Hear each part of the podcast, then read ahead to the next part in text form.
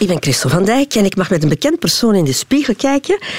En dat is nu met iemand die heel veel is. Uh, televisiemaker, uh, presentator, auteur. Hij weet heel veel over wetenschappen en hij heeft ook nog humor. Voilà, een ideale man. Dag lieve Scheire. Goeiedag. Ja. Kan je zeggen dat de spiegel een rol in jouw leven inneemt? Uh, ja, ja, maar een, een redelijk kleine. ja, ik sta af en toe voor de spiegel, maar niet zo vaak en ook niet zo uitgebreid. En uh, ja, ben er, ben er niet heel hard mee bezig. Zo, nee. Je bent niet het type dat s ochtends in de spiegel kijkt en denkt van mm, mm, ik zie er goed uit vandaag. nee, nee. Nee, dat laat jou koud. Uh, ja, ook mijn ochtendkop is niet mijn beste uh, kop. Uh, maar zo, ja, af en toe kun je inderdaad, als je een keer iets goed aan hebt en je haar ligt toevallig een keer goed, kunnen een keer in de reflectie kijken en denken van, ah, het valt mee vandaag. Maar uh, nee, ik sta niet te, te, genieten van mijn spiegelbeeld morgens, nee. Ja, jouw ochtendkop, dat is nu de kop die ik nu zie, hè? Voilà, kijk, welkom. Een beetje waterige oogjes zo nog? ja, ja, ja, ja, ja. ja. Een verfrommelde, verfrommelde rechterwang waar dat je dan op geslapen hebt en zo. Maar je moet nu wel meer in de spiegel kijken, denk ik, nu dat je op televisie komt, nu dat je op een podium komt. Um... Dat zou moeten, maar uh, dat, is er, dat is er nooit uh, ingeraakt. Ik kan, ja, ik kan zo soms toekomen op een, op een filmset, hè, dus uh, ja, voor een presentatie doen voor tv, en zo rondkijken en zien van oei, zowel de cameraman als de, de geluidsman zijn langer bezig geweest met hun haar dan ik van, vanmorgen. Omdat, ja, goh, ik weet het niet. Ik heb nooit, die, ik heb nooit een, zo een ochtendroutine gekweekt. Nee, maar je wordt wel geconfronteerd met de blik van anderen natuurlijk. Als ja. op, op televisie komt. En niet alleen uiterlijk, maar op, maar op alle gebieden natuurlijk. Hè. Ja. Je wordt getaxeerd en beoordeeld. En... Dat is absoluut zo. Um, en qua uiterlijk zit ik gelukkig in, in een... Um, in een hoek van de media waar dat, dat het minste speelt. Hè. Ik bedoel, ja, ik, ik mag de slonzige nerd zijn. Hoe, ik word daar nog op aangesproken, daar niet van. Um, maar eh, ja, het. het um, ik denk dat dat iets is wat de meeste mensen die beginnen in de media onderschatten, hoeveel commentaar dat je krijgt op van alles en nog wat. En daar zit positieve commentaar tussen, die deugd doet. Maar het zijn de negatieve die, die blijven hangen. En ik heb dat echt al gemerkt, mensen die zo voor de allereerste keer af en toe eens een uitleg gingen doen op tv hoe hard dat, dat binnenkwam bij hen. Zo die eerste keer dat iemand de moeite neemt om u een e-mail te sturen, dat ze u eigenlijk maar een idioot vinden. dat, uh, ja, kijk, ja. Overkomt jou dat ook? Uh, ja, sowieso. Sowieso. Zeker ja, sociale media. zo de, ik ben redelijk actief op Twitter en daar ja, wordt af en toe al een keer uitgehaald naar iemand. Intussen kan ik ermee om. Um, maar ik kan me niet voorstellen dat jij het type bent, of een type bent die dat polariseert. Ik denk dat de meeste mensen jou wel de lieve nerd vinden, zo. De, de, verstro de verstrooide professor. Dat geluk heb ik wel inderdaad. Dat, dat ik, ik zit niet echt op, op thema's die, die ja, geweldig polariseren. Ik ben ook iemand die, die het conflict niet zal opzoeken, die eerder zal uh, uh, verzoenen en bemiddelen dan, dan het op de spits drijven. Um, ja, maar als je eens in de, in de afspraak zit, bijvoorbeeld, als je een aflevering in de afspraak zit, ik weet niet wat dat is, maar er zit een soort trollenleger klaar die elke keer naar de afspraak kijken en commentaar geven op alles wat daar passeert. En dan zie je dat ook langskomen. Dan denk je, oké, ja. Dus ja, ik denk als het over politiek of over voetbal gaat, waar ik gelukkig niet over moet praten, dat je het dan eh, er wel moet tegen als je een uitspraak doet die politiek kan geïnterpreteerd worden, dan zal ze politiek geïnterpreteerd worden en dan krijg je de, de, de tegenpartij op je dak. Um, ook als het over wetenschappelijke dingen gaat, ja, eh, in de tijd van de corona heeft dat wel gepolariseerd natuurlijk. Mm. En als je dan als je een uitleg doet over hoe een vaccin werkt, ja, dan krijg je natuurlijk wel alle, alle tegenstanders en complotdenkers uh, op je dak. Ja. Maar je, je hebt daarmee leren omgaan. Ja. Terwijl je die harde kant eigenlijk niet hebt. Nee. Of Dat, die, die olifantenhuid. Nee, nee, van nature absoluut niet. Nee. Er zijn, er zijn een paar mensen in de media die dat van nature hebben en die daar heel vlot mee om kunnen. Maar uh, voor mij was dat een, een oefeningetje wel, ja. Ik heb de spiegel mee. Oké. Uiteraard, hè, hij ligt voor je. Ja. Kijk er eens in. Oké. Dag spiegel. en beschrijf eens wat je ziet. Uh, mijn hoofd. Um, ik ben inderdaad nog een beetje moe, precies. Maar het valt mee, ja.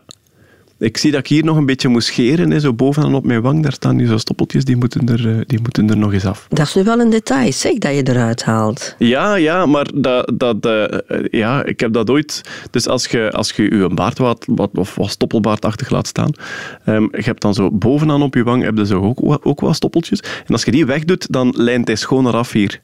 En um, mijn vrouw geeft mij altijd complimenten als mijn baard schoon afgeleid staat daar. Dus daarmee ben ik dan beginnen doen, ja. Kijk. Amai, vind ik wel straf voor een man die net beweert heeft dat hij eigenlijk niet ijdel is. En, nee. en, dat dan wel... Ja, dat wel, ja, ja, inderdaad. Maar ja, goed, het is nu ook vier dagen geleden, dus dat va wel. Ja. En wat zie je nog? Um, goh, ik heb een keer een hemd aan, dat gebeurt niet veel. Mijn haar is iets te lang aan het worden. Maar mijn vrouw zegt dat het altijd op zijn best is als het bijna te lang is. Dus dan denk ik, oké, okay, ça va wel. Ja, vrouw heeft precies veel te zeggen, hè? Eh, dat is zo, ja, ja, absoluut. Zeker over het uiterlijk. Laat ons zeggen dat zij de belangrijkste gebruiker is eh, van mijn uiterlijk. Dus dat ze ook wel beslissingsrecht heeft eh, daarover, ja. Uh, als je jezelf niet zou kennen, hoe, hoe, oud zou je de man schatten die je in de spiegel ziet? Goh, ik ben niet goed in leeftijden schatten. Maar ja, tussen 40 en 50 denk ik, zou ik wel zeggen. Ja. Als ik er jonger uit wil zien, dan doe ik gewoon mijn baard af en dan heb ik uh, iets meer babyface. Dus Helpt dat, ja? ja? Ja, ja. Ja, goed, ik zie er dan jonger uit, maar ik zeg niet dat ik er beter uitzie. Hè, maar dan lijkt het alsof ik jonger ben. Ja. ja. tussen de 40 en de 50 zeg je, je bent er 42 ja, nu. inderdaad. Dus eigenlijk vind je niet dat je er jonger uitziet? Ik denk het niet. Ik denk het niet, nee. Maar goed, ik zit nu ook op, uh, op, um, op de leeftijd dat je... Uh, dat je um, jezelf niet meer kunt wijsmaken dat je jong bent. En met jong bedoel ik dan zo twintiger, dat soort dingen. Hè. Um, ik ben heel graag jong geweest. Ik voel mij nog uh, vaak jong. Maar zo tijdens, u, tijdens mijn studentenjaren, ja goed, dan was ik jong. En dan uh, worden twintig en dan worden dertiger. Ik was ook heel graag dertiger, omdat tijdens uw dertiger jaren kun u nog wijsmaken van ja, mijn studententijd, dat is nog maar pas voorbij. Ik bedoel, ik ben nu jong volwassen. En ik zit nu zo op een punt dat dat niet meer gaat. En dat je zo merkt aan, aan vrienden van uw leeftijd van ah ja, we zijn, um, we zijn een grensje over zo. En um, meestal zeg ik het ook uh, tegen mijn vrouw, we zijn niet oud, we zijn onjong.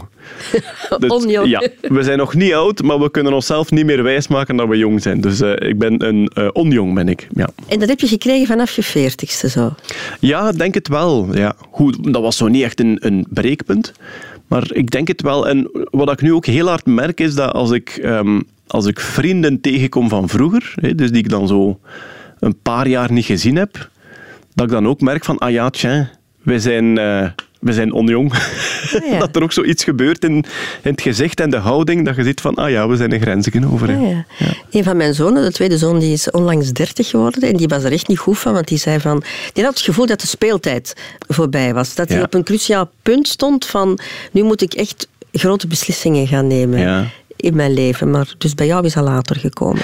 Ja, ik, um, ik ben heel graag 30 geworden. Um, Um, ik was ooit, als ik zo 24, 25 was, was ik met Wim Helsen uh, na een optreden op een feestje beland in Gent.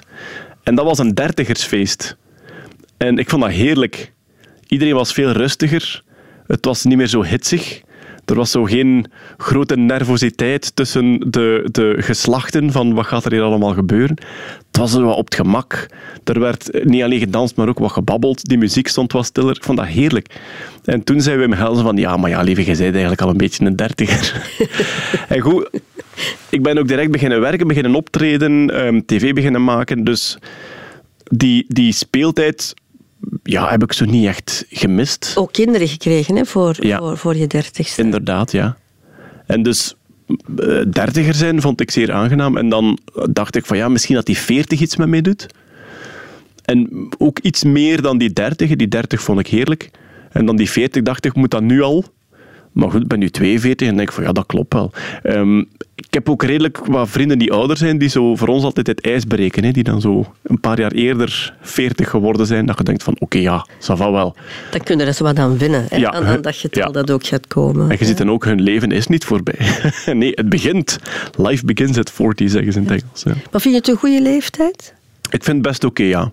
Ja, zeker wel. Ja, weet je, ik, 42, dat is, dat is, dat is eigenlijk fijn, hè, omdat je kan nog altijd denken, ik zit nog niet in de helft. Hè? Dat is waar. Met, eh, met een beetje chance zit ik nog niet in de helft. Ja, dat klopt. Ja. Ja? En je hebt al iets bereikt in het leven, Ja. maar er kan ook nog van alles komen. Zo. Dat is waar. Dus inderdaad, ehm, het, het kan nog een wending nemen. Ja. Dat is eh, niet het meest waarschijnlijke, hè, want ja, dat herinner ik mij wel van mijn twintiger jaren. Echt zo het gevoel van, we kunnen nog alle kanten op en, en eh, we, gaan, we gaan vooruit en er ligt nog zoveel voor ons enzovoort. Ja, nu heb ik mijn plek wel, wel gevonden zo. Maar er kan nog altijd iets, iets gebeuren in het buitenland misschien of zo, ja. Dat weet je nooit. Ja. Is er een leeftijd waar je niet naar zou willen terugkeren? Eh, de middelbare school vond ik eh, ellendig. ja, ik heb absoluut niet graag in het middelbaar gezeten. Ehm, ja, ook eh, ehm, eh, zeer onwennig in het liefdesleven was ik, eh, was ik toen. Inderdaad.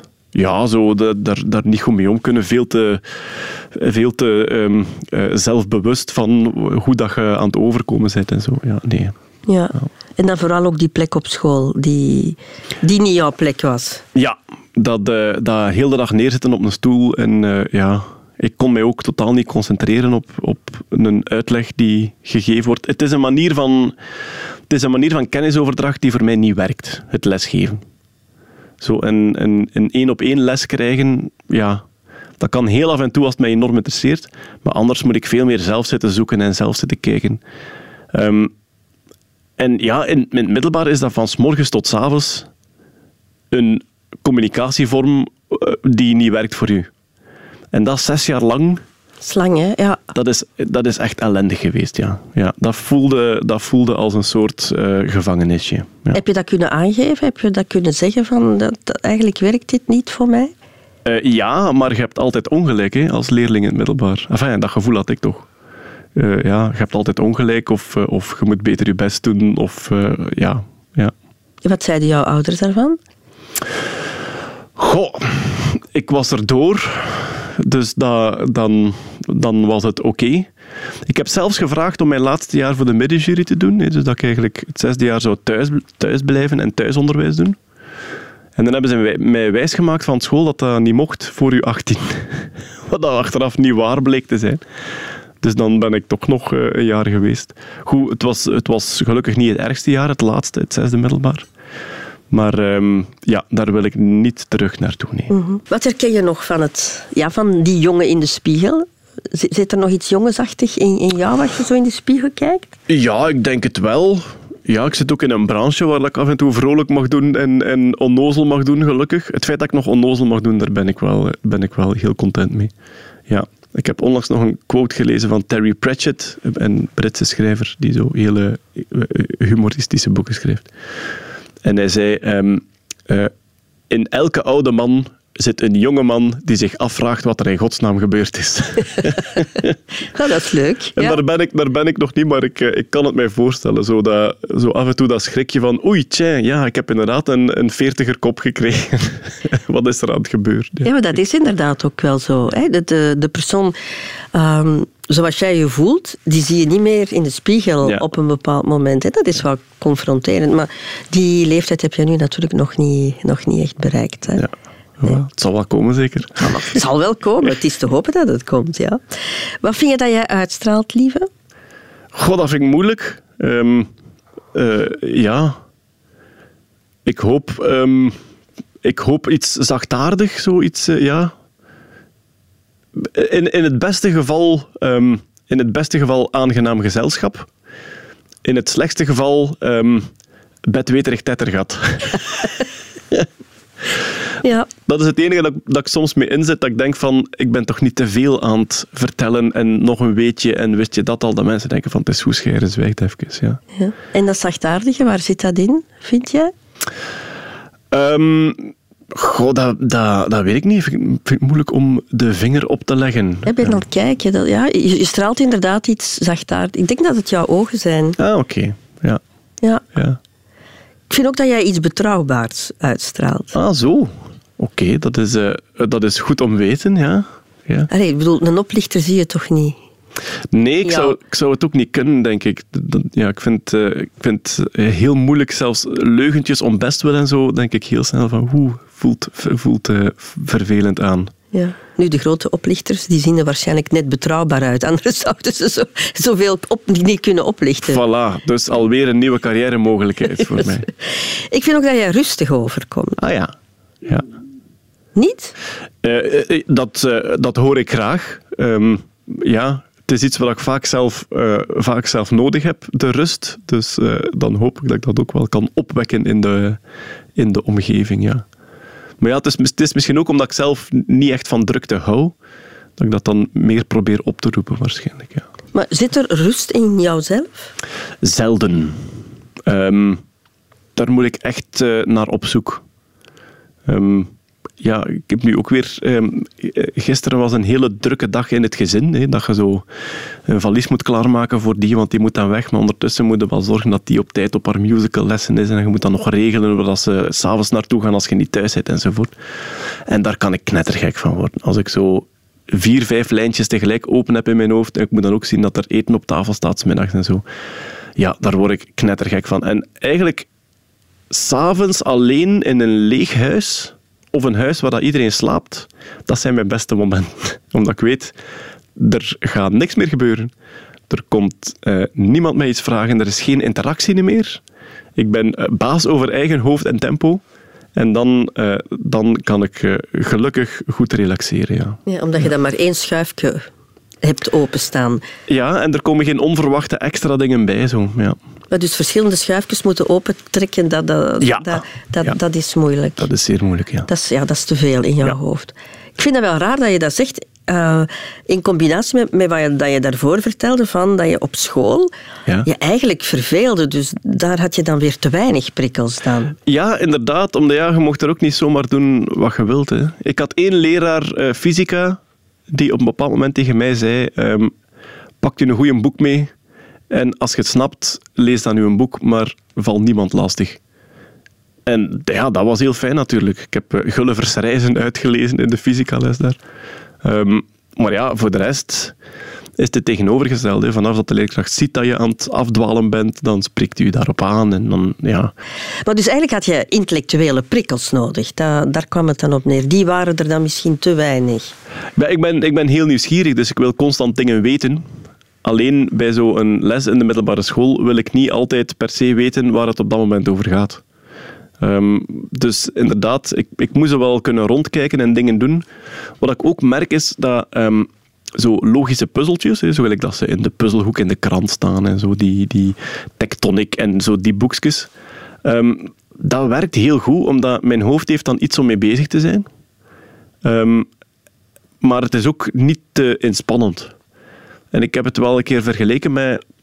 Ja, als je, als je in een auto zit en de motor is niet aangekoppeld en je duwt op je gaspedaal, dan draait die motor zo een beetje zot.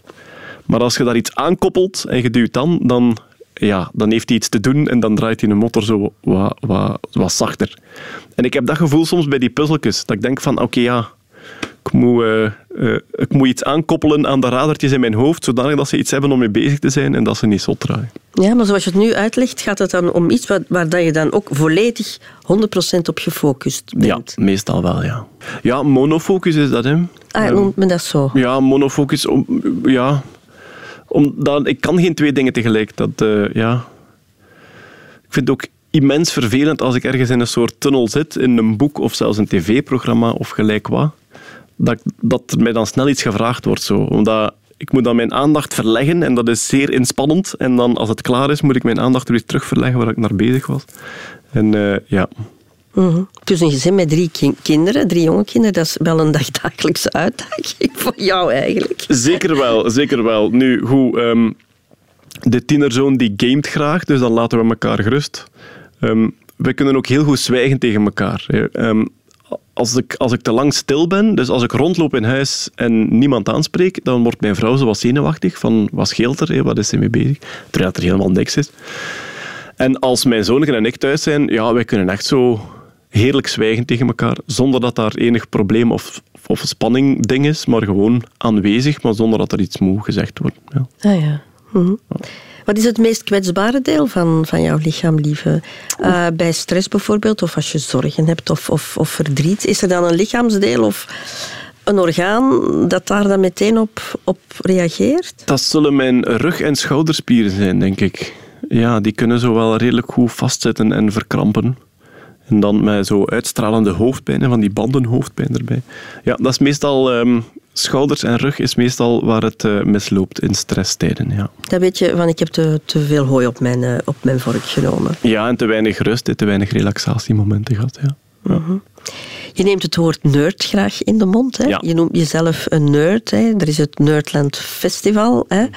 Vind je dat je er als een nerd uitziet ook?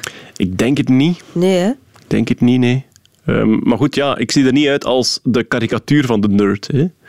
Uh, met um, een hemdje aan met de knopjes toe tot boven en uh, een, een, een, dikke bril op en zo, dat soort dingen. Nee, dat niet. Ja, je denkt niet meteen aan een opwindende man, hè? Als je nee, nerd nee, nee. noemt, droog en stoffig zowat, hè? Ja, maar ik denk net daarom dat... dat um, heel veel mensen met die wetenschappelijke interesse, met die technologie-interesse of met die andere nerdy interesses, zoals Rubik's Cube en uh, superhelden, comics en films en dat soort dingen, dat heel veel mensen tegenwoordig, net omdat die karikatuur zo, ja, zo stoffig is, dat tof vinden om die, om die naam over te nemen, om dat eigenlijk te reclaimen. Van te zeggen van ja, je hebt, je hebt allerlei soorten mensen met deze interesse.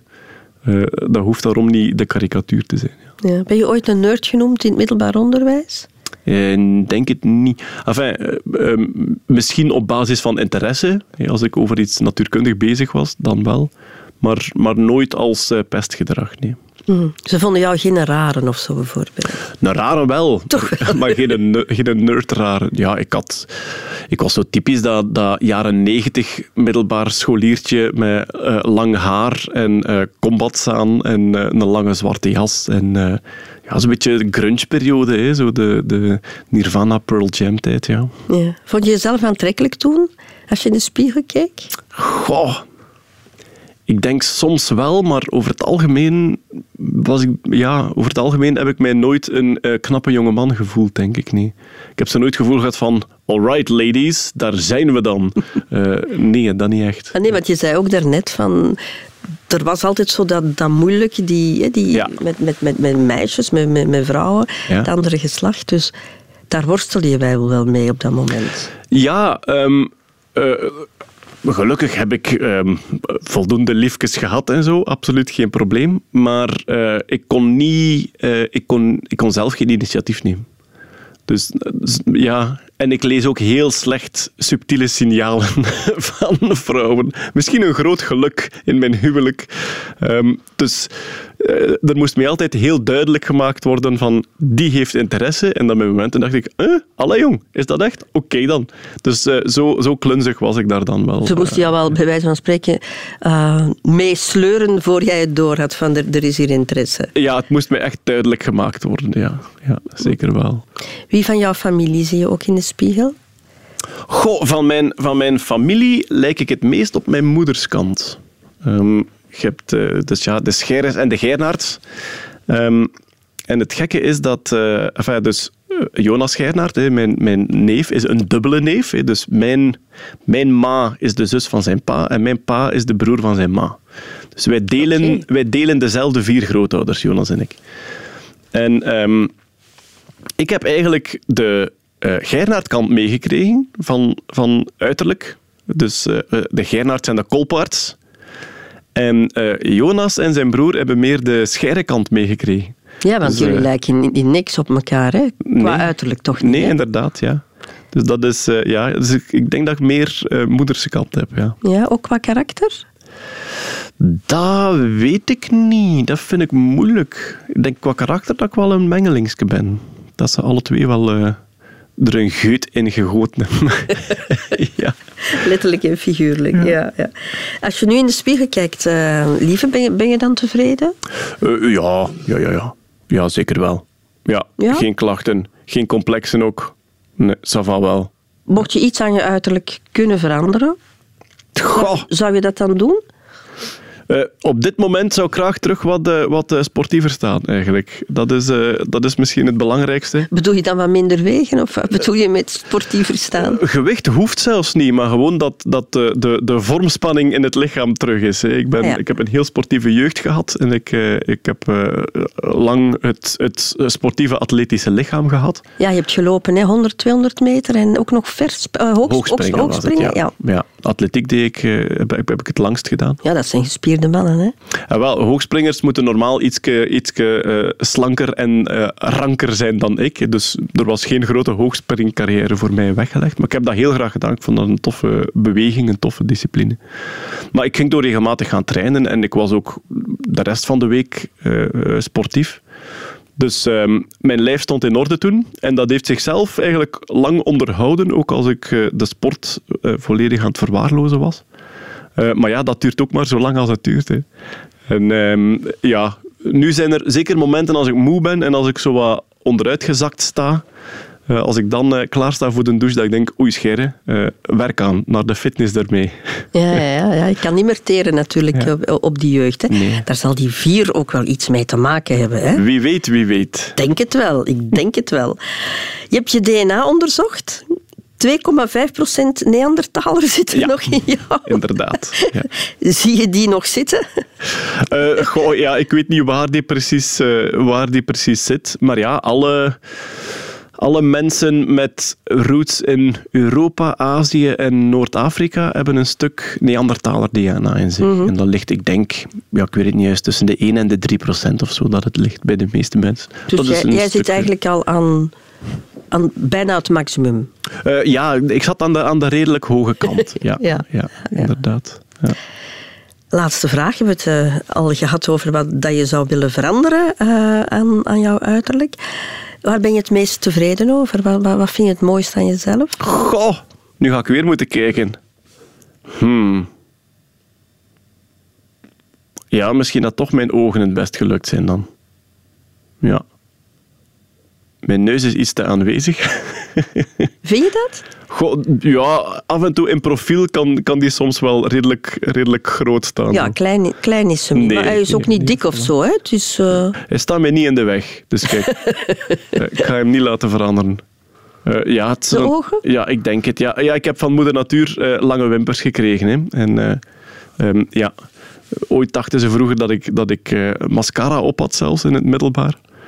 Um, en een een groottante van mijn ma, die, uh, wij gingen op bezoek en was een, een, een Nederlandse. En die zei, wat heeft hij lange wimpers? En dan zei mijn ma, ah ja, dat zit in de familie. De meisjes zullen het hem benijden. ja, voilà. ja, maar ik vind het een goede keuze. Ik zou ook voor ja. de ogen gegaan zijn, denk ik, in, uh, in jouw plaats. Dankjewel, lieve Scheire. Heel Met fijn plezier. om samen in de spiegel te kijken. Ja, kijk.